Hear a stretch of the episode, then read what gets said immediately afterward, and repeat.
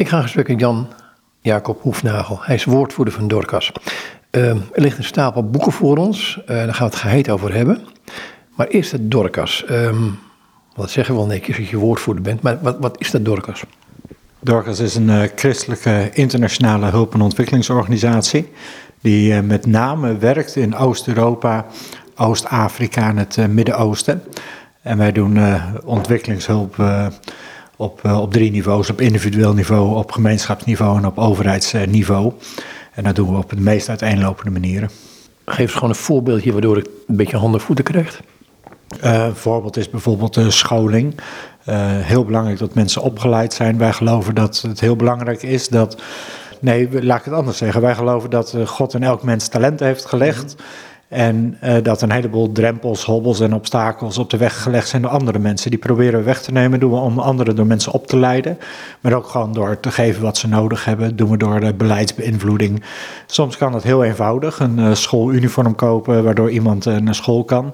Soms is het een langdurig opleidingstraject. Bijvoorbeeld in Ethiopië hebben we een paar ambachtsscholen die in heel Afrika bekend zijn. En ja, het is al bekend als je op die school terechtkomt, dan heb je al een baan voordat je je diploma op zak hebt. Nou, dat zijn manieren waarop we werken. Geef dan kip of nee? Uh, allebei. Uh, ja, hengel en vis is misschien makkelijker. Mm -hmm. Want uh, het is heel belangrijk dat je mensen leert vissen, maar als ze geen hengel hebben, heb je er niks aan, hè? aan je kwaliteit. Maar als je ze een hengel geeft en ze hebben ondertussen honger, komt er van werk ook niet zo heel veel terecht. Dus uh, wij proberen zowel, zowel op korte termijn als op lange termijn te werken, waarbij eigenlijk onze programma's duurzame programma's moeten zijn. Het moeten programma's zijn waar mensen uiteindelijk onafhankelijk zijn. En wij ook gewoon kunnen vertrekken uit het, uh, uit het dorp of uit de regio waar we werkzaam zijn. Maar die kip? Ja, die kip. Ja, we geven soms ook echt letterlijk kippen. In Albanië hebben we bijvoorbeeld een voorbeeld van mensen die we een paar kippen hebben gegeven en ondertussen een uh, enorm pluimveebedrijf daarmee hebben opgebouwd. En dat is, dat is heel mooi, dat je wat wakker maakt in mensen. Wat er misschien altijd al heeft gezeten, maar gewoon door middel van de omstandigheden niet uh, tot zijn recht is gekomen. Ja, en soms is een kip voldoende. Of in dit geval drie kippen en, uh, en een stalletje, geloof ik. Maar voldoende om tot een uh, groot bedrijf te komen.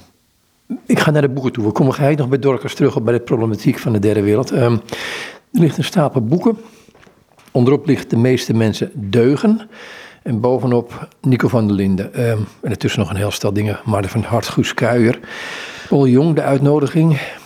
John Boyne, de jongen met de, in de gestreepte pyjama. Ja, en dat boek pakt hij uit je boekenkast en zei... ja, dat, dat is eigenlijk een must. Waarom eigenlijk?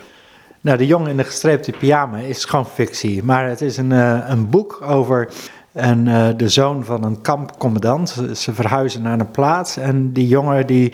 Uh, loopt op een gegeven moment van huis weg eigenlijk op zoek naar wat er achter zijn huis zit. En komt daar in, uh, in ontmoeting met een uh, andere jongen, eigenlijk zijn tegenspeler aan de andere kant van het hek. Om ook maar het plot bloot te geven. Op een gegeven moment ontstaat er een vriendschap en gaat hij het kamp in waar ze beiden de dood vinden. Het is een verschrikkelijk dramatisch plot, maar dat deed me zo erg aan, aan Jezus Christus denken. Eigenlijk omwille van het feit dat uh, Jezus zou ook een gat onder het hek graven en het, kamp ingaan. Maar dan zouden we niet beide de dood tegemoet gaan, maar die zou uh, zijn kleren daar achterlaten en zeggen: Ga jij maar onder datzelfde gat naar buiten toe. Trek mijn kleren maar aan. Ik pak, uh, ik pak de dood en jij pakt het leven. Het deed me heel erg aan, aan dat verhaal denken. alleen net niet. Maar ik zeg wel vaker, dingen waarvan wij genieten, waar we zo van onder de indruk zijn, dan kan het bijna niet anders zijn of je ziet er een stukje van Jezus in. Waarom?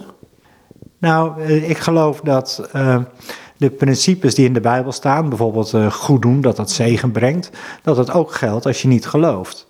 Uh, de Bijbel zegt, de natuur leert God kennen. Uh, wij zien dat als gelovigen, maar ik geloof dat ongelovigen uh, niet uh, snappen waarom zij van, van iets genieten. Namelijk dat er een stukje van God of een stukje van Jezus in te zien is.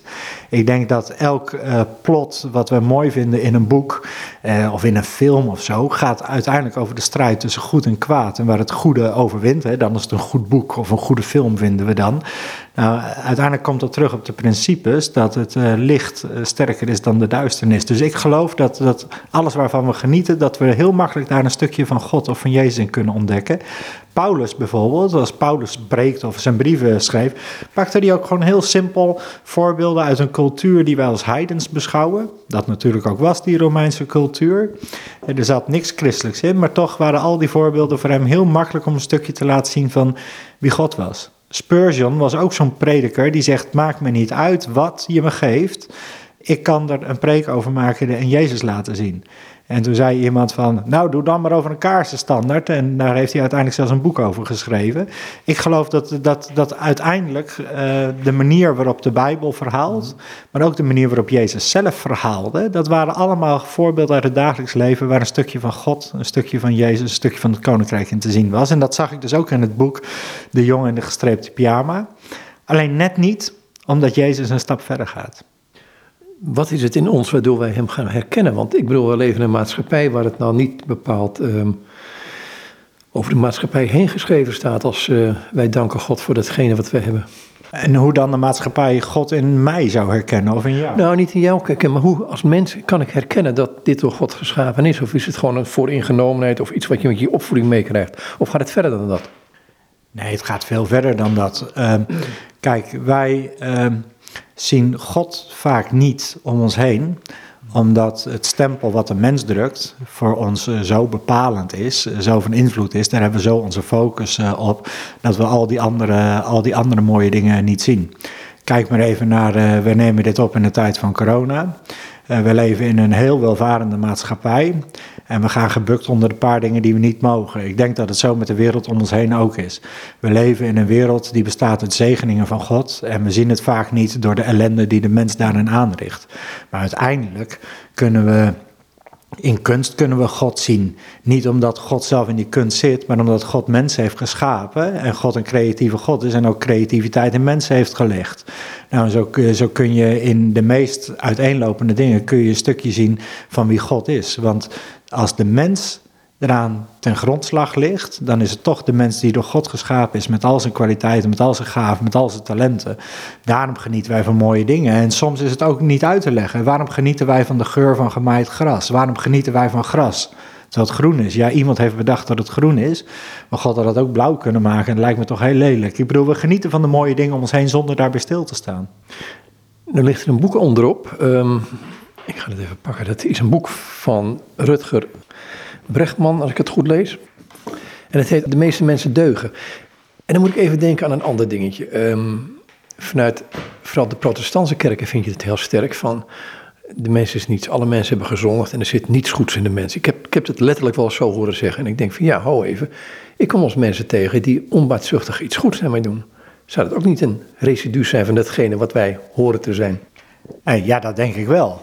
Alhoewel het boek eh, De meeste mensen deugen, ik dat nou niet echt een aanrader vind. Uh, ik heb het uh, hier op tafel gelegd omdat het een. Ja, dit is nou iets wat mensen graag willen horen. Geen wonder. Hè? Je, maakt, je maakt een boek, geef je uit in, in christelijk, of tenminste van oorsprong christelijk Nederland, de christelijke cultuur. En dat noem je de meeste mensen deugen, terwijl er toch iets in ons systeem zit van dat is niet zo. Geen wonder dat het boek verkoopt. Maar dan gaat Rutger Bregman gaat daar een heel verhaal van maken, waarvan ik denk van jongen, wat heb je slecht werk gedaan. Hij noemt allerlei voorbeelden van bijvoorbeeld hoe mensen reageerden in een situatie van oorlog. En in een situatie van oorlog, dan vallen de bommen op je huis en mensen zijn niet gedaald op de sociale ladder, maar gingen juist naar elkaar omzien, dus de meeste mensen deugen. Ja, dan maak je toch wel wat uh, hele grote stappen, want er waren ook mensen die die bommen gooiden. Wel, maar ik, ik, moet denken aan een boek van, ik dacht dat het Aaron, Aaron van Field, een Joods iemand zei, die tot tweeërlei conclusie kwam. Hij zegt mensen die heel gewoon in hele vervelende, heeft de kampen meegemaakt, niets hadden en uiteindelijk in de kampen het minste wisten te delen. En mensen die een goede opvoeding hadden gehad, doktoren, advocaten, die, die uh, nog het laatste stukje brood met een ander weg hielden. Nou, ik denk dat dat een stuk dichter bij de waarheid komt. Um, wat mij zo tegenviel aan dit boek van Rutger Bregman is dat hij steeds probeert te bewijzen dat als mensen onder druk komen te staan, dat ze goede dingen gaan doen. Ik denk juist dat als mensen in een rampsituatie gezet worden, dat ze de reden dat ze goede dingen gaan doen, is omdat ze plotseling gaan zien wat er echt toe doet. Rutger Bregman zegt in zijn boek De meeste mensen deugen. Hij noemt dan een voorbeeld van uh, de bombardementen. Dat, uh, dat de bevolking naar elkaar omzag. En dat dat bewijs ook klopte, want toen gingen de geallieerden gingen Duitsland bombarderen. En uh, ja, zie je wel, daar gingen de mensen ook naar elkaar omkijken. Dan sla je, als dat dan je conclusie is, dan denk ik, ja, dan de hele doctrine van Hitler. Al die mensen die, die daaraan meededen, de mensen die de bommen gooiden. En daar geeft hij wel antwoord op in zijn boek. Hij zegt, ja, maar bijvoorbeeld in een oorlogssituatie, mensen laden hun geweren zodat ze niet hoefden te schieten. Zodat hun me meerdere niet zag dat ze niet gingen schieten, gingen mensen hun geweren laden zonder echt te schieten. Want mensen willen eigenlijk geen andere mensen doden, dus mensen zijn goed. Ja, maar wat is dan goed en welke prijs wil je daarvoor betalen? Je kan ook zeggen van ik doe helemaal niet mee aan die oorlog, al kost het me mijn leven. Welke principes, uh, wat heb je over voor je principes? Ik vind dat hij hier hele grote passen maakt in een boek wat ongekend populair is. Ik hoor, de, een heleboel mensen hebben dit boek gelezen en zijn, zijn razend enthousiast hierover. Ik denk, ja, je bent nou razend enthousiast omdat het iets is wat je graag wil horen. Maar de meeste mensen deugen helemaal niet. Want als er geld of macht in het spel komt, gaan mensen plotseling hele andere keuzes maken. Waarom zijn Joden verraden in de Tweede Wereldoorlog? Vaak omdat er geld tegenover stond. He, ik bedoel, dus mensen zetten nogal snel hun principes opzij als er voordeel voor hunzelf uit te, te behalen valt. En de waarheid hebben we niet te zoeken in zo'n boek als uh, van Rutger Bregman, maar veel eer te zoeken in, uh, ja, daar ben ik echt van overtuigd, in de Bijbel. Die laat heel goed zien dat het uh, licht sterker is dan de duisternis. Die laat heel goed zien dat, dat Jezus Christus overwonnen heeft. Maar die laat ook heel goed zien dat als wij ons leven niet leven op God gericht en als er wat anders in ons hart leeft dan de Heilige Geest, dat we op onszelf gericht zijn en dat we dingen doen die we zelf fijn vinden. Maar daarmee deugen we niet. Baatzuchtigheid is niet iedereen gegeven, denk ik, hè? Nee. En eh, misschien jou ook niet, eh, misschien mij ook niet. Uh, uiteindelijk zullen we altijd blijven worstelen met wat goed is en wat we, wat we weten en wat we doen. Paulus zegt zelf in de Bijbel van het vlees wil, maar de geest wil niet. En omgekeerd, uh, de geest wil wel, maar het vlees wil niet. Dat is natuurlijk altijd een, een strijd tussen onze oude identiteit en onze nieuwe identiteit. Maar feit is wel, wij mogen meer en meer op Jezus uh, gaan lijken. Wij deugen niet. De ene staat misschien moreel wat hoger op de ladder dan de andere. Maar wij deugen niet. God is heilig en alles wat onheilig is, al is maar een klein beetje, kan niet bij God komen. En het feit dat dat probleem is opgelost door God zelf, dat geeft aan dat God deugt en dat wij uiteindelijk niet deugen. Wat betekent deugen dan, hè? ja, dat, dat is bijna dezelfde vraag als van wat is goed en wat is, uh, wat is kwaad. Rutger Bregman probeert echt in zijn boek uh, eigenlijk te zeggen, de meeste mensen hebben het goede in zich. En als je je dan laat meeslepen door die theorie, vind ik het wel heel erg grappig dat het boek dan eindigt met tien tips waarop je een beter mens kan worden. Want als je al deugt, dan heb je die tien tips niet nodig. Dus uh, ik, heb hem, uh, ik heb hem op tafel gelegd omdat de vraag, de vraag de, waarmee uh, de slang al Eva en Adam verleidde, en van je kunt kennis hebben van goed en kwaad, die, die vraag die houdt ons dus al duizenden jaren bezig. En dit is het antwoord wat de meeste mensen willen hebben. Maar goed en fout, en deugen of niet deugen, als je er wil achterkomen of je deugt, dan moet je zelf maar eens onder druk staan. En ik hoorde laatst een voorbeeld. Als je een meloen uitperst, komt er meloensap uit. Als je een citroen uitperst, komt er citroensap uit. Je kan een citroen wel oranje verven, maar daarmee wordt het geen sinaasappel. Wat er met jou gebeurt onder druk, dat laat zien wie je daadwerkelijk bent. En onder druk doen mensen vaak helemaal geen, uh, geen onbaatzuchtige dingen. En deugen mensen vaak helemaal niet. Het kan beide, denk ik, hè? Ja, klopt. Mijn opa was een van die mensen die uh, in zo'n uh, veewagon zat brood in zijn tas had. Maar toen hij wakker werd in diezelfde trein, zat het zijn brood er niet meer in. En uh, hadden anderen die hetzelfde lot ondergingen dan hij, het gegeten zonder dat hij het kon delen. Ik weet overigens niet of hij het anders gedeeld zou hebben, maar uh, dat klopt. Mensen doen, uh, doen onder druk rare dingen. En als jij zelf in gevaar komt, lijkt wel een of ander mechanisme in de mens te zitten, alsof, ja, alsof je dan beter voor jezelf moet zorgen dan voor de ander. En daarin laat Jezus dus heel duidelijk zien dat zijn manier waarop hij mens was, totaal anders is dan wat ik zie bij de meeste mensen. In ieder geval anders is dan wat ik zie bij mezelf. Um, de meeste mensen deugen dit boek. Um, daartegenover hoor je, hoorde je vaak, ik weet niet of je het nog steeds hoort, ik denk nog wel in, in, in uh, bepaalde kringen van er zit niets goeds in de mens en um, je kunt ook niks goeds van de mens verwachten. Is het ook te ongenuanceerd? Net zo goed als de titel van dit boek te ongenuanceerd is. Ja, ik denk wel dat dat te ongenuanceerd is. Ik, ik geloof in, in, in, dat de mens zondig is. Uh, ik geloof tegelijkertijd dat, uh, alhoewel ik echt wel uh, reformatorische wortels heb, dat het te makkelijk wordt gezegd van in, in zonde ben ik ontvangen en geboren. En dan wordt er gerefereerd aan David. Als je heel goed leest, dan zie je dat David uit overspel geboren is. David is de jongste van het gezin.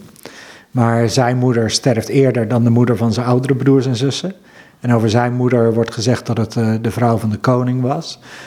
En dan begaat David zelf de zonde met Bathseba. En dan zegt hij, ach, ik, ik had beter moeten weten, zelf ben ik uit zonde ontvangen en geboren.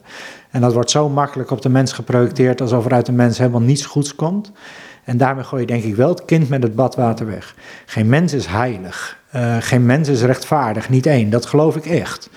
Maar als je gaat zeggen, er zit niets goeds in de mens. Uh, hoe zit het dan met de mensen die Jezus kennen? Uh, hoe zit het dan met mensen die goede dingen doen, ook al zijn ze slecht? Hoe zit het dan met de wetenschap dat wij door God geschapen zijn? De heerlijkheid van God is van ons afgevallen. En je kan zeggen, er zit niets goeds in de mens, als je daarmee bedoelt het Bijbelse goed. Het Bijbelse goed is namelijk dat wij op Jezus lijken. En uit onszelf lijken we niet meer op Jezus. In niets zou je bijna kunnen zeggen.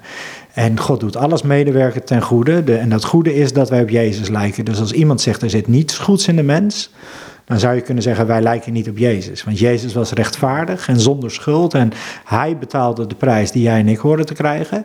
Ja, dan durf ik daar mee te gaan. Maar gewoon het hele bouwde, uh, elk mens is slecht is te kort door de bocht. Tegelijkertijd zegt de Bijbel ook dat er uit het hart van mensen niets goeds voorkomt. En de prediker zegt uh, de, de, dat er geen mens goed is, nee, niet één. Je moet alles in zijn context zien. Mhm. Wij hoeven ons gelukkig niet druk te maken als christenen of wij uiteindelijk goed of slecht zijn. Wij weten als christenen dat we het uit onszelf niet verdienen en dat Jezus het voor ons gedaan heeft. En ik denk dat dat ook de boodschap is die we veel meer te brengen hebben. Ja, maar ook denken aan wat Paulus zegt. Hè? De, de heidenen die van nature weten wat Gods wil is. Dat is dus buiten het feit dat je Jezus wel of niet kent. Uh, ja, de natuur leert God kennen. Geen mens is te verontschuldigen, zegt Paulus. Dus ook mensen die Jezus niet kennen, die zijn niet te verontschuldigen. Uh, je zou kunnen zeggen, ze zijn geestelijk blind, ze hebben het niet uh, gezien, maar dat wil niet zeggen dat ze het niet hebben kunnen zien. Uh, maar er is een heleboel van God te zien, ook door mensen die Hem niet kennen. Want er was er maar één echt verlaten van God, en dat was Jezus. Toen hij, zei, toen hij die psalm aanhaalde en zei van, mijn God, mijn God, waarom verlaat gij mij? Die verlatenheid van God hebben jij en ik niet gekend, want ja, dan zouden we niet kunnen leven. En dat geldt ook voor hen die God niet kennen. Ik ga een ander boek toe. Um een hele andere richting toontelligen. Dat is echt een, een verhalenverteller, hè? een echte verteller is dat. Toontelligen is, een, uh, is meesterlijk. Hij, hij, hij, hij vertelt associatief. Hij uh, vertelt op een manier die helemaal niet, uh, niet kan. Vaak uh, heeft hij het over de dieren, de eekhoorn. En de eekhoorn praat tegen de wind. En de wind is geen persoon. En hij, hij praat op een manier waar grote mensen van kunnen genieten. En kleine mensen net zo hard. Heel vertellend, heel verhalend, heel absurdistisch. Maar ik geniet daar echt met volle teugen van. Kun je gewoon een willekeurig stukje uit het boekje lezen? Gewoon maar. Op 23 mei ging ik naar Amsterdam. Er stond een lange houten tafel voor het paleis op de Dam. Daar kreeg ik mijn stembiljet. Aan de andere kant van de dam was een stemhokje met een gordijn ervoor. Er waren duizenden toeschouwers. De politie hield ze op afstand. Ze klapten in hun handen en ze juichten mij toe. Ze waren blij dat zij niet hoefden te stemmen. Ze begrepen dat ik wist wat het beste was voor Nederland. Ze vergisten zich misschien. Maar als ze niet hoefden te stemmen, was dat niet erg. Ik maakte het vakje rood dat ik rood wilde maken. Midden op de dam stond de stembus. Er stonden bewakers omheen. Ik deed mijn stembiljet erin. Er ging gejuich op. De toeschouwers riepen: Wat is het beste voor Nederland? Wacht de uitslag maar af, zei ik. Iemand van de regering gaf mij een hand en bedankte mij. En ik zag heel even dat de koningin uit een raam van haar paleis toekeek. Ik ging naar huis. Om zes uur werd de stembus opengemaakt en mijn stembiljet gelezen. We aten aardbeien met slagroom. Het lot van Nederland rust nu op jouw schouders, zei mijn vader. Het raam stond open, het woei niet. Plotseling hoorde ik dat een zucht van opluchting uit heel Nederland oprees. Iedereen wist dus wat ik had gestemd. Mijn vader en mijn moeder tilden me op hun schouders en droegen me de kamer rond. Ze waren heel blij dat het nu altijd goed zou gaan met Nederland. Dat is toch zo? vroegen ze. Ja, zei ik. Dit is toch, ja, wat moet je hierbij denken? Niets en dat maakt het juist zo heerlijk. Het, uh, het gaat over het. Uh, uh, ja, het, het, het, is absurdistisch, maar dat maakt het juist ook zo heerlijk. Want het is eigenlijk het uitvergroten van, van de dingen die belangrijk zijn en de dingen die niet onbelangrijk zijn. De wereld op zijn kop gooien. En tegelijkertijd zit hier natuurlijk ook een hele waarheid in. Elke stem die telt. Dus ja, ik, het is bijna alsof een kleinkind het journaal kijkt en er zijn eigen, zijn eigen verhaal van maakt. Dus ja, ik vind het heerlijk genieten. Is dan de mens uh, aan zich, hè, zoals jij, ben je dan het middelpunt van de wereld? In dit boek? Nee, ik heb het nou naar jou toe. Zoals wij hier, hier redeneert, wat jij nu zegt over dit, dit, dit gebeuren van een klein kind die het journaal kijkt, ben je dan voor jezelf altijd het middelpunt van de wereld? Uh, ja, dan wel, denk ik. Ik uh, kan mezelf nog wel herinneren als kind dat ik mijn ogen dicht deed en dacht dat de wereld niet bestond. De wereld draait om jou. En het vervelende is, als je volwassen wordt, hoor je te gaan beseffen dat de wereld niet om jou draait. Dat de wereld ook doordraait zonder jou. Maar het gedrag van mensen is natuurlijk heel vaak erop gericht alsof de wereld om hun draait en de wereld van hun is. Ja, hoe raak je dat idee kwijt? Want ik denk dat dat een, misschien wel een heel wezenlijk probleem is wat in de mensheid gelegd is, of in de mens gelegd is. Nou, uh, als je met pensioen gaat en je hoort daarna dat je werk gewoon nog doordraait, ondanks dat jij er niet meer bent. Als je een paar weken ziek bent geweest en je merkt dat je collega's uh, gewoon doorgewerkt hebben.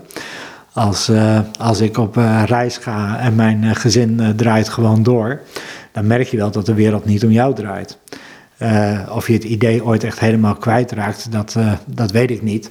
Maar de wereld draait om God. En dat is een heel vroom antwoord, maar tegelijkertijd uh, is dat wel natuurlijk het antwoord waar, uh, waarvan ik merk van hey, alles wat mij in mijn leven is overkomen, is dus blijkbaar geweest een stukje op weg naar, naar God, naar de, naar de ontmoeting met God, naar het zien wie God is. Is, is dat een verdurende relatie dan? Ja, als je dat zo, als je dat zo kunt noemen. Uh, ligt er natuurlijk aan wat je bedoelt met rea relatie. Maar als een relatie uh, iets is tussen twee personen, wat een realiteit is, met wie je de dingen deelt, met wie je vertrouwd bent, met wie je vertrouwelijke omgang hebt, zoals de Bijbel zegt, ja, dan is dat zeker een relatie. Maar ik bedoel ook dat hij deze schepping draagt, staat er ergens, dacht ik in Hebreeën. Um, is dat ook in die zin zo, dat, dat, dat, dat God aanwezig is en... Um, ons draagt en zonder het dragen wij niet eens zouden bestaan. Of ik nou wel of niet geloof. Ja, dat geloof ik wel. Tegelijkertijd moet ik wel heel eerlijk zijn dat, dat ik soms dat een wat te fatalistisch denken vind van, uh, van sommige christenen. Dat alles wat er gebeurt Gods wil is. Uh, dat geloof ik niet. Ik heb een bril uh, je kan zeggen dat mijn ogen slecht zijn door de zondeval. Uh, maar ik geloof niet dat God heeft gewild dat ik slechte ogen heb. Ik geloof niet dat God wil dat er gehandicapte kinderen geboren worden. Nee, God heeft scheppingskracht erin gelegd. God heeft seksualiteit in de schepping gelegd. De mens kan zich voortplanten. Ook de mens zonder God kan zich voortplanten. De, die kracht heeft God erin gelegd. Er is zonde gekomen, er is verval gekomen. Je kan niet zeggen dat is zoals God het wil. Absoluut niet. Maar God heeft wel een plan wat hij wil met deze aarde. En er zal een nieuwe aarde komen. En er zal een nieuw koning, uh, de, de, de, zijn koninkrijk zal neerdalen op deze aarde. Dus alles zal nieuw gemaakt worden. Stil maar, wacht maar, alles wordt nieuw, zegt het liedje. Dat geloof ik ook. Maar daarmee uh, geloof ik ook dat als God hier niet zou zijn, dat de levenskracht verdwijnt. Als God zich terugtrekt, uh, is, is het er niet. Maar dat betekent niet dat alles wat hier gebeurt Gods wil is. Want God wil geen zonde en dat gebeurt ook. Nee, dat ben ik met je eens. Maar het feit dat hij de dragende kracht is, is iets anders natuurlijk. Ja, dat klopt. Dat klopt. Het, je moet ook eerlijk zijn dat dat heel moeilijk is om daar betekenis aan te geven. Hè? Van uh, uh, God, God draagt de schepping, oftewel het heeft zijn bestaansrecht door God. Wij weten dat alles wat er is, dat, dat dat door God is ontstaan. We weten dat die kracht ook in de schepping ligt. Als God zich terugtrekt, ja, wat gebeurt er dan op deze aarde? Dat, dat weet ik niet. Maar uh, God is licht, God is liefde. Uh, dus zolang er licht en liefde zijn, is God er. En dat betekent dus ook als God er niet meer is, dat licht en liefde er niet zijn. Het, het zijn bijna filosofische discussies worden dat. Ja, daar ben ik wel gek op eigenlijk. Ja, ik ook wel. ja, nee, daar ben ik, zeker wel, daar ben ik zeker wel gek op. Maar als je daarover gaat nadenken, eh, dat is een beetje het nadenken over, eh, over hoe groot het heelal is. Dat laat alleen maar zien hoe groot God is. En eh, als je je niet kunt voorstellen wat er met de aarde gebeurt als God zich zou terugtrekken, betekent dat al dat, dat wij niet kunnen beseffen hoe groot God is. Wij geven God termen zoals almachtig. Ja, dat kunnen wij niet beseffen wat dat betekent. dat zijn menselijke woorden om iets onmetelijks groot toch te vatten in woorden. Maar God is groter dan wij kunnen vatten. We kunnen ons uitdrukken in woorden, daar ben ik heel blij mee. Tegelijkertijd ligt daar een enorme beperking in, zoals je eigenlijk al tussen de regels door opmerkt. Ja, een, een, enorme beperking. Want uh, God maakt zichzelf duidelijk aan mensen door middel van het woord, de Bijbel. En daar staan ook verhalen in waarvan je soms geen eens weet wat daar nou de, de bedoeling eh, van is. Maar als je ze zou schrappen, dan, uh, dat doe je natuurlijk niet, maar als je ze spreekwoordelijk zou schrappen, dan zijn er weer hele volkstammen mensen die juist aan die, die verhalen enorme, uh, enorme geloofsbelevenis hechten. ik geloof dat de Bijbel waar is. Ik geloof de, de hele Bijbel. Maar toch gebruikt de Bijbel een heleboel beelden om ons maar een beetje inzicht te geven in wie God is. Uh, God wordt vergeleken met een vogel. God wordt vergeleken met uh, uh, Jezus en de kerk worden vergeleken met een bruidspaar. Dus de hele Bijbel staat op die manier vol beelden. Alsof God zijn best doet om ons duidelijk te maken hoe groot zijn onmetelijke liefde voor ons is. Er staat ook zo'n wonderlijke tekst in Jesaja dat als zoals een hen haar kuikens, hè, zo wil hij het volk van Israël vergaren. Dan kom ik bij de uitnodiging terecht, uh, de vrouwelijke kant van God. Ja, uh, ik vind niet dat je in de Bijbel dingen moet, uh, moet zoeken die er niet zijn. Uh, dat is heel duidelijk. Maar de uitnodiging is een boek wat je eigenlijk als je begint te lezen moet uitlezen tot het eind. Uh, je kan niet halverwege stoppen, dan ben je teleurgesteld in, uh, in, in het hele boek. Maar het zet alle beelden van God op zijn kop. God wordt daar ook in gepresenteerd als een zwarte vrouw op een gegeven moment. Maar binnen de context van die situatie snap ik dat ook heel goed wat daar gebeurt. De schrijver probeert hier duidelijk te maken dat God in jouw situatie instapt, aansluitend op wat jij nodig hebt om een ontmoeting met Hem te hebben. En het hele boek, de uitnodiging, gaat daar uiteindelijk over. En God wordt daar ook neergezet als een vrouw. Dat uh, ook neergezet als een vrouw, ook als een man. Maar uh, ja, die vrouwelijke kant van God, dat is menselijk denken. Net zo goed als dat de mannelijke kant van God menselijk denken is. God in de Bijbel wordt altijd gepresenteerd als uh, God de Vader. Hoorde laatst dat er theologen waren die, eh, die dat beschamend vonden. En dat God uh, als moeder in de Bijbel. Ja, dat begrijp ik echt niet. Dat begrijp ik niet dat je dat beschamend vindt en dat je daar beledigd door voelt. God presenteert zichzelf als, als vader. Uh, laat de eenheid tussen man en vrouw, zegt hij een heleboel over. Betrekt het ook over de eenheid tussen Christus en zijn kerk en Christus en de Vader. we moeten daarvan afblijven. Maar als God over zichzelf praat als een moeder hen, dan is dat duidelijk zijn vrouwelijke kant. Uh, dat, dat, maar dat is ook logisch. God heeft de mens geschapen naar zijn beeld.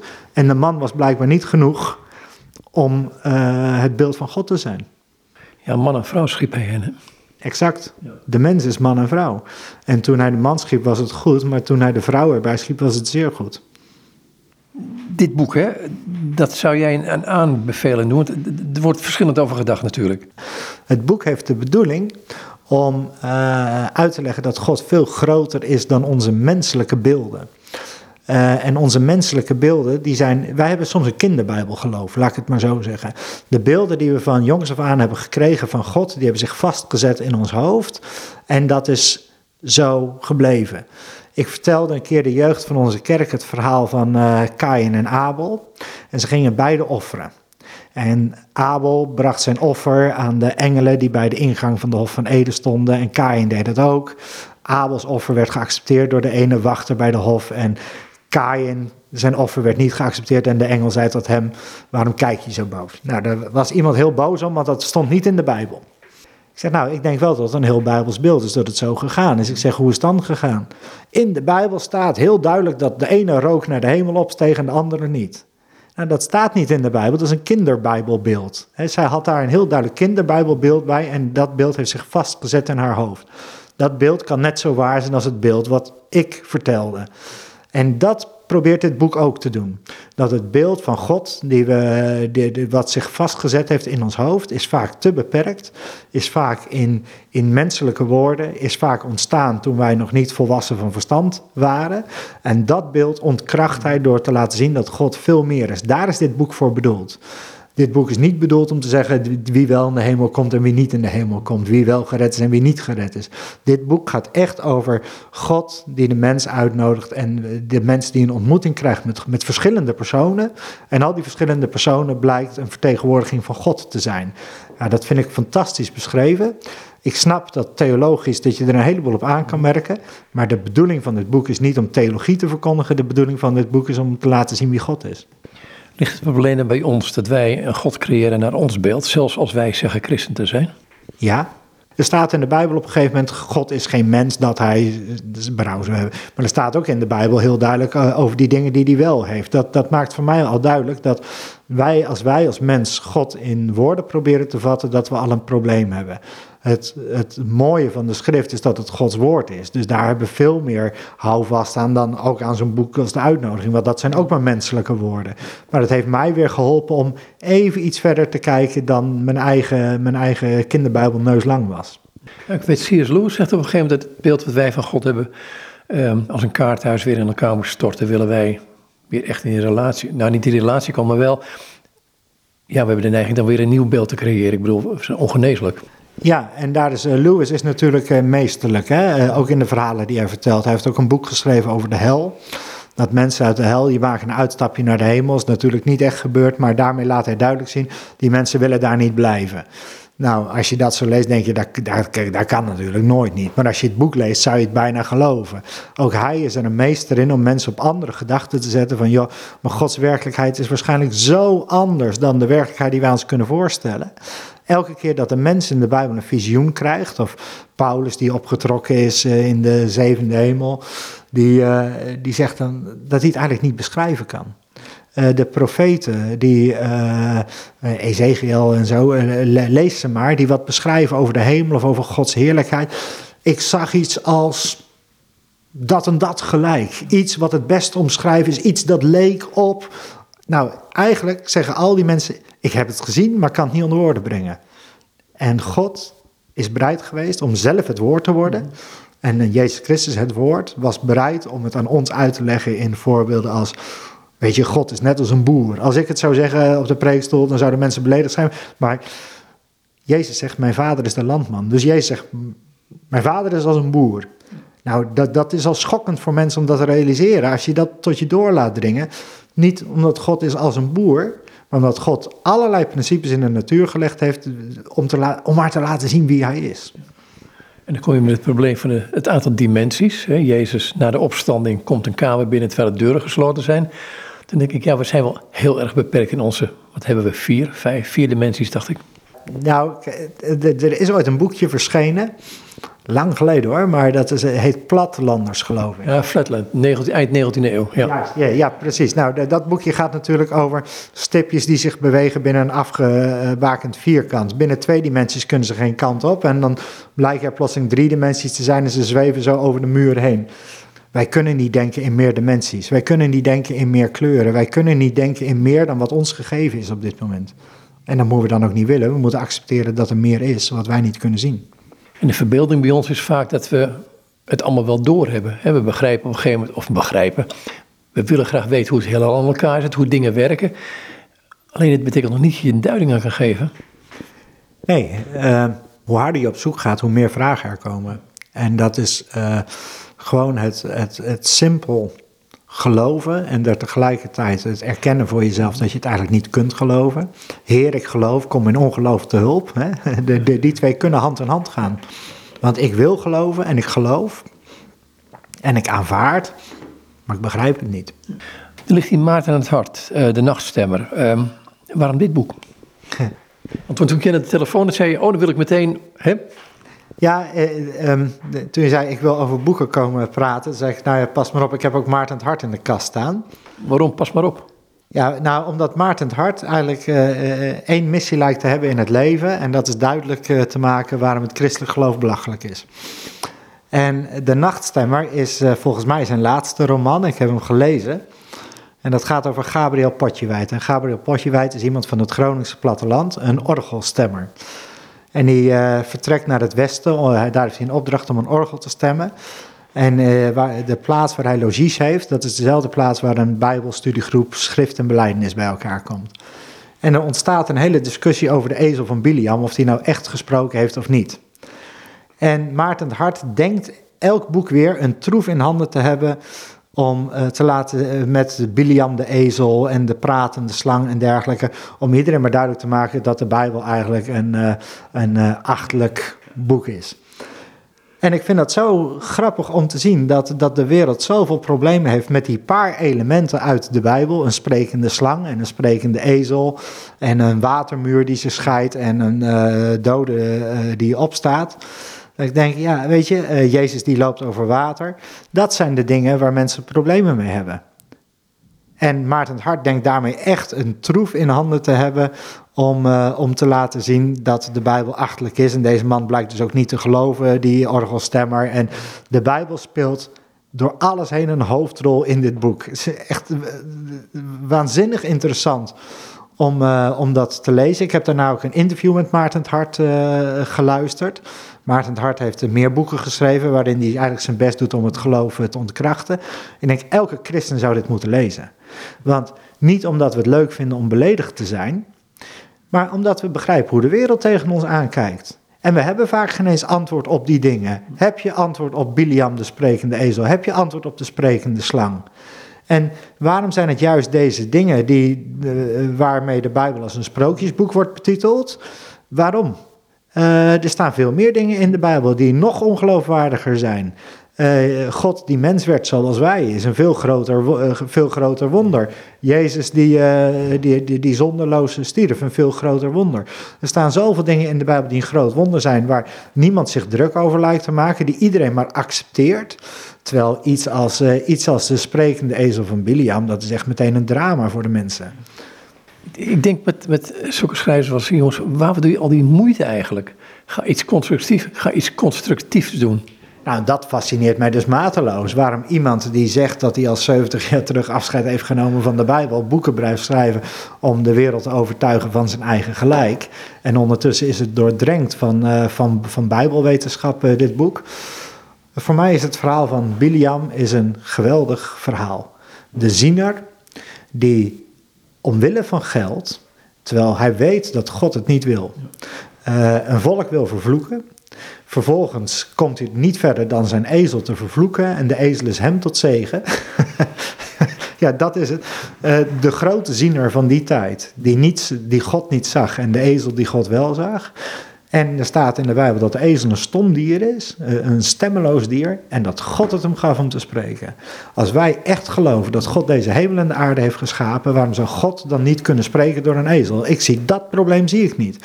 Maar deze voorbeelden zijn juist de voorbeelden waarmee de ongelovige denkt van, ik zal alle ongelovigen van hun geloof laten vallen door dat verhaal nog eens een keertje aan te halen.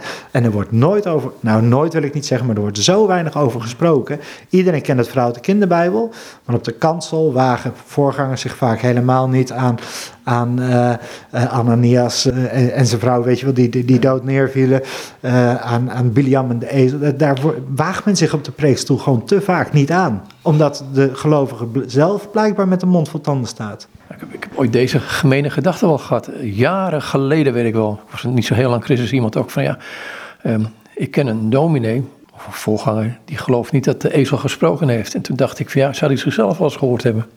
Nou, de ezel heeft ook niet gesproken, de ezelin heeft gesproken, staat er in de Bijbel. Maar als hij dat niet gelooft, dan kun je dan kun je afvragen, uh, wat geloof je dan wel? En zelfs Maarten het Hart zegt van, als je dit niet meer gelooft, is het hek van de dam. En als één schaap over de dam is, dan volgen er meer. Je kunt je afvragen waarom je dit niet gelooft. Waarom zou dit nou een groter wonder zijn als Jezus die over het water liep? Waarom zou dit een, een groter wonder zijn dan, de, dan de, de, de, hoe noem je dat, de, de wonderbare spijziging? Er staan zo verschrikkelijk veel verhalen in de Bijbel die grote wonderen zijn. Water die in wijn verandert. Als je de wonderen uit de Bijbel haalt, haal je geen Bijbel meer over. En juist van Biliam vind ik het zo leuk dat in 1890, in 1987 en in 1968 is de historische Biliam is bewezen. Er zijn allerlei inscripties gevonden. En uh, ik geloof drie hoofdstukken uit de Bijbel gaan over Biliam en zeven Bijbelboeken verwijzen naar hem. Alsof God zijn best doet van jongens, dit verhaal, dit is wel echt. Ja.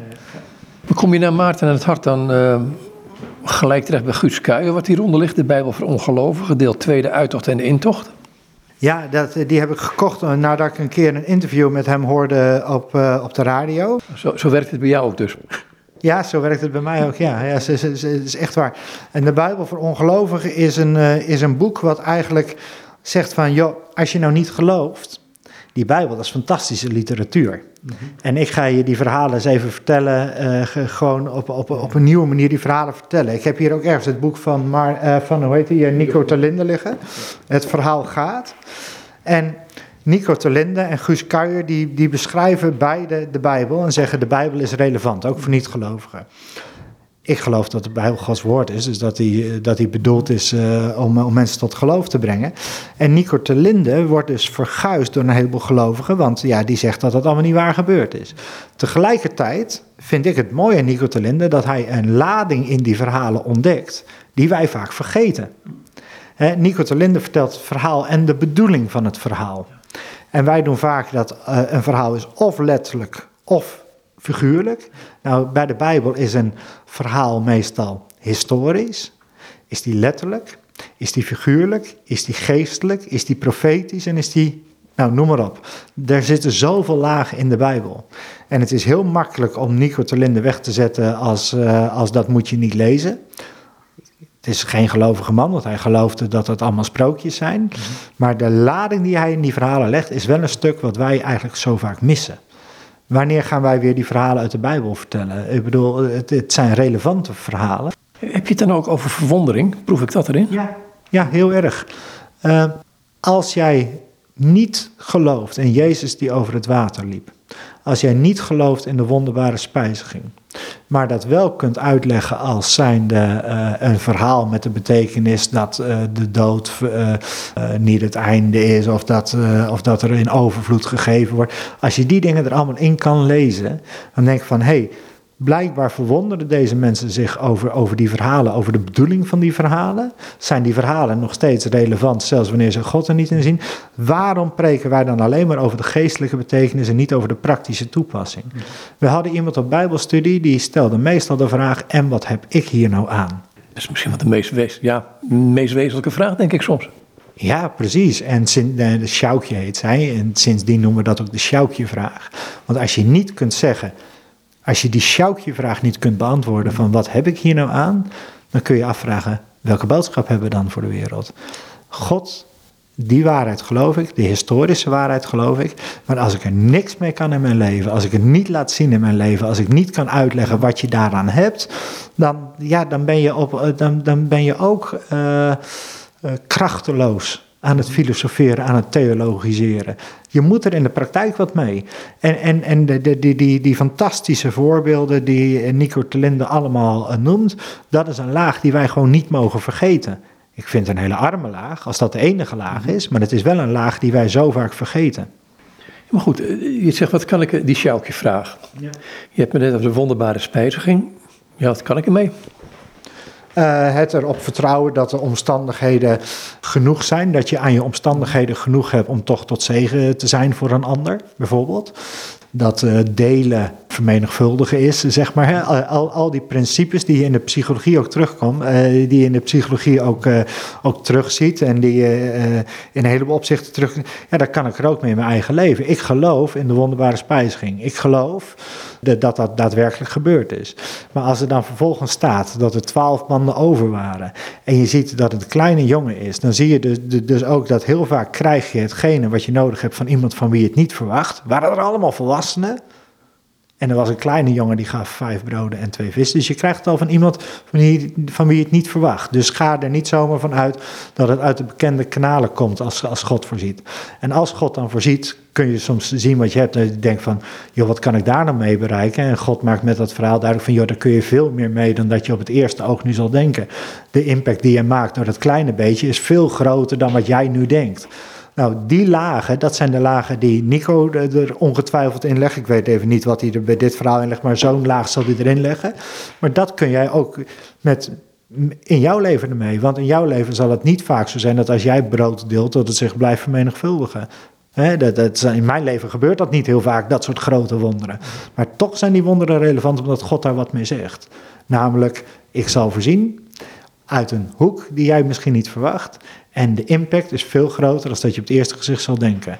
Nou, en zo gaat het met al die verhalen in de Bijbel. Kun je heel makkelijk een toepassing vinden. Waarbij ik veel te vaak de vrees zie om die toepassing ook uh, gewoon daadwerkelijk mee te geven. Uit angst van hè, straks denken ze dat we het allemaal niet meer geloven. Of straks denken ze dat het daarom draait en dat we die wonderen niet echt gebeurd zijn. Nee, ik denk dat de bedoeling van Bijbelverhalen ook echt erin ligt dat je hier in dit leven er wat mee kan. Ga ik dan ehm, via jouw leven schuldsanering naar Dorcas? Mag je wat over vertellen over dat hele traject? Ja, ik had een, uh, dat, dat wil ik wel. Uh, mijn vrouw en ik, we hadden, ja, kun je je nou niet meer voorstellen, maar we hadden een fantastisch huis en we wilden dat, uh, we kochten een ander huis en we wilden ons eerste huis niet te koop zetten voordat de verbouwing van het tweede huis klaar was. En toen we het wel te koop zetten, stortte die woningmarkt in en ons huis heeft jarenlang te koop gestaan hebben ook met veel verlies verkocht. Dat is geresulteerd in schuldsanering en al die dingen meer. Nou, als je de markt nu ziet en iedereen is aan het overbieden en... Uh, dan kun je niet meer voorstellen dat er ook zo'n tijd is geweest. Maar het resulteerde bij ons in, uh, we hadden twee dure hypotheken. En het resulteerde bij ons na drie jaar of zo dat we het niet meer trokken en uh, meer schulden overhielden dan, dan de rest. En toen zijn we in de schuldsanering terechtgekomen. Ja, en als je vraagt, dan is van, joh, wat, wat is de toepassing, wat kun je daar nou mee?